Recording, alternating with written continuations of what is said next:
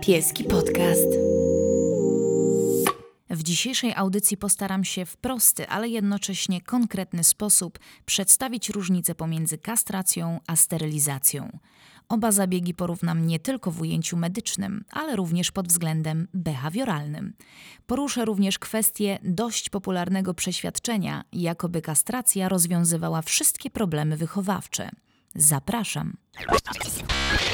Na początek od razu zaznaczam, że musimy sobie w tej kwestii sporo wyjaśnić. Należy bowiem zapamiętać, że kastruje się zarówno samców, jak i suki. W świecie medycznym są to dwa różne zabiegi, którym można poddać psa bez względu na jego płeć. Obie metody oczywiście skutkują niemożnością rozmnażania się, lecz względnie różnią się od siebie.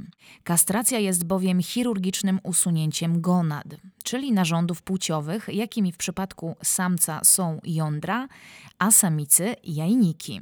Często dodatkowo usuwa się całą macicę, aby uniknąć ewentualnych powikłań. Sterylizacja z kolei nie polega na wycinaniu narządów płciowych, lecz na swego rodzaju zablokowaniu ich, przecięciu lub podwiązaniu nasieniowodów u samców i analogicznie oczywiście przecięciu i podwiązaniu jajowodów u samic.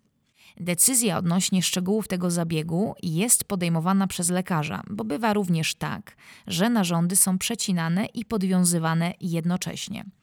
Mimo wszystko nie są usuwane. Jądra i jajniki nadal pozostają w jamie brzusznej psa.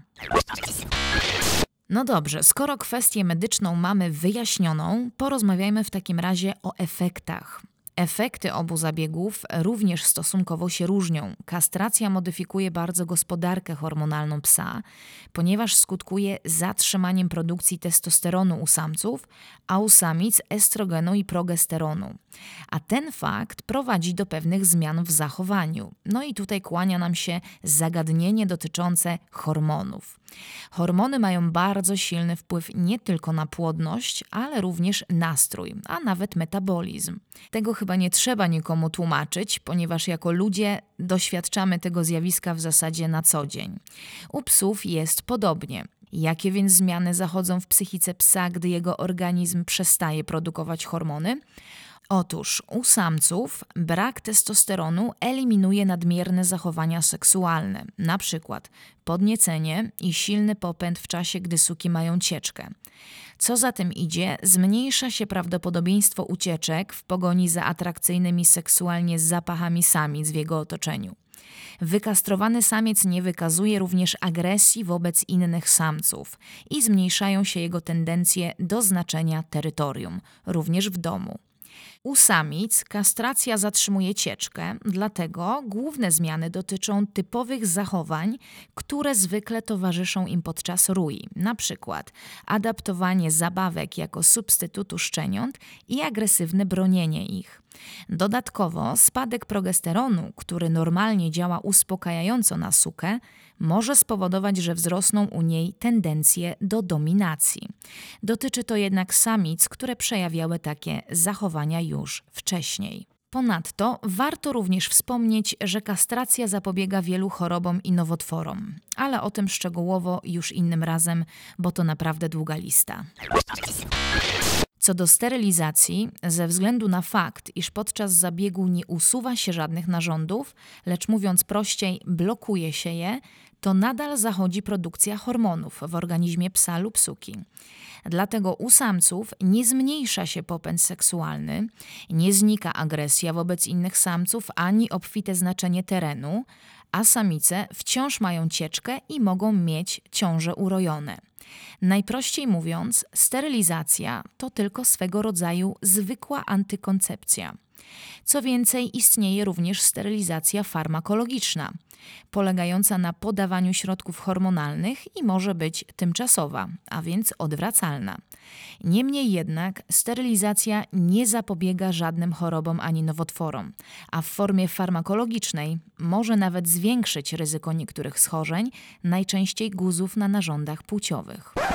Warto znać te różnice, ponieważ jeśli udamy się do weterynarza z wewnętrznym zamiarem kastracji suki, ale powiemy, że chcemy sterylizację, bo przecież tak się przyjęło mówić w przypadku samic, to jeśli lekarz nie dopyta, będąc przekonanym, że wiemy o czym mówimy, to nie bądźmy potem zdziwieni, że nasza suka po sterylizacji ma cieczkę.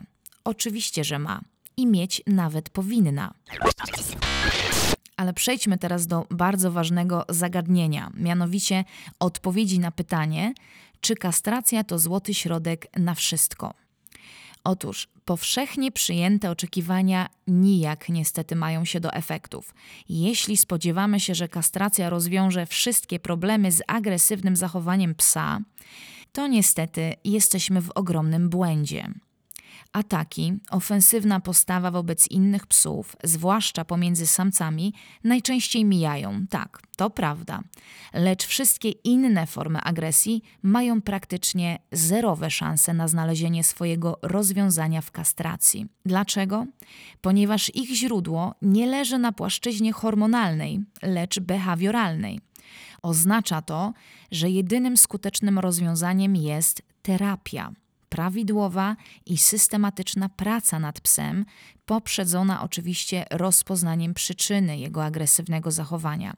Natomiast sama agresja, bo to zazwyczaj o nią głównie chodzi, może mieć wiele przyczyn. Może na przykład wynikać z lęku, złej socjalizacji na etapie szczenięcym, czy też stresu, a nawet choroby a tego żaden zabieg chirurgiczny nie rozwiąże.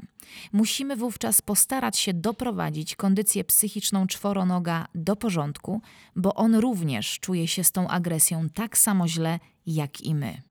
Co więcej, podjęcie decyzji o kastracji powinno być poprzedzone i skonsultowane nie tylko z lekarzem weterynarii, ale również behawiorystą. Ponieważ psy lękliwe, wycofane i wrażliwe na kontakt z człowiekiem lub innymi psami nie powinny być poddawane zabiegowi kastracji, gdyż problem agresji może się nasilić.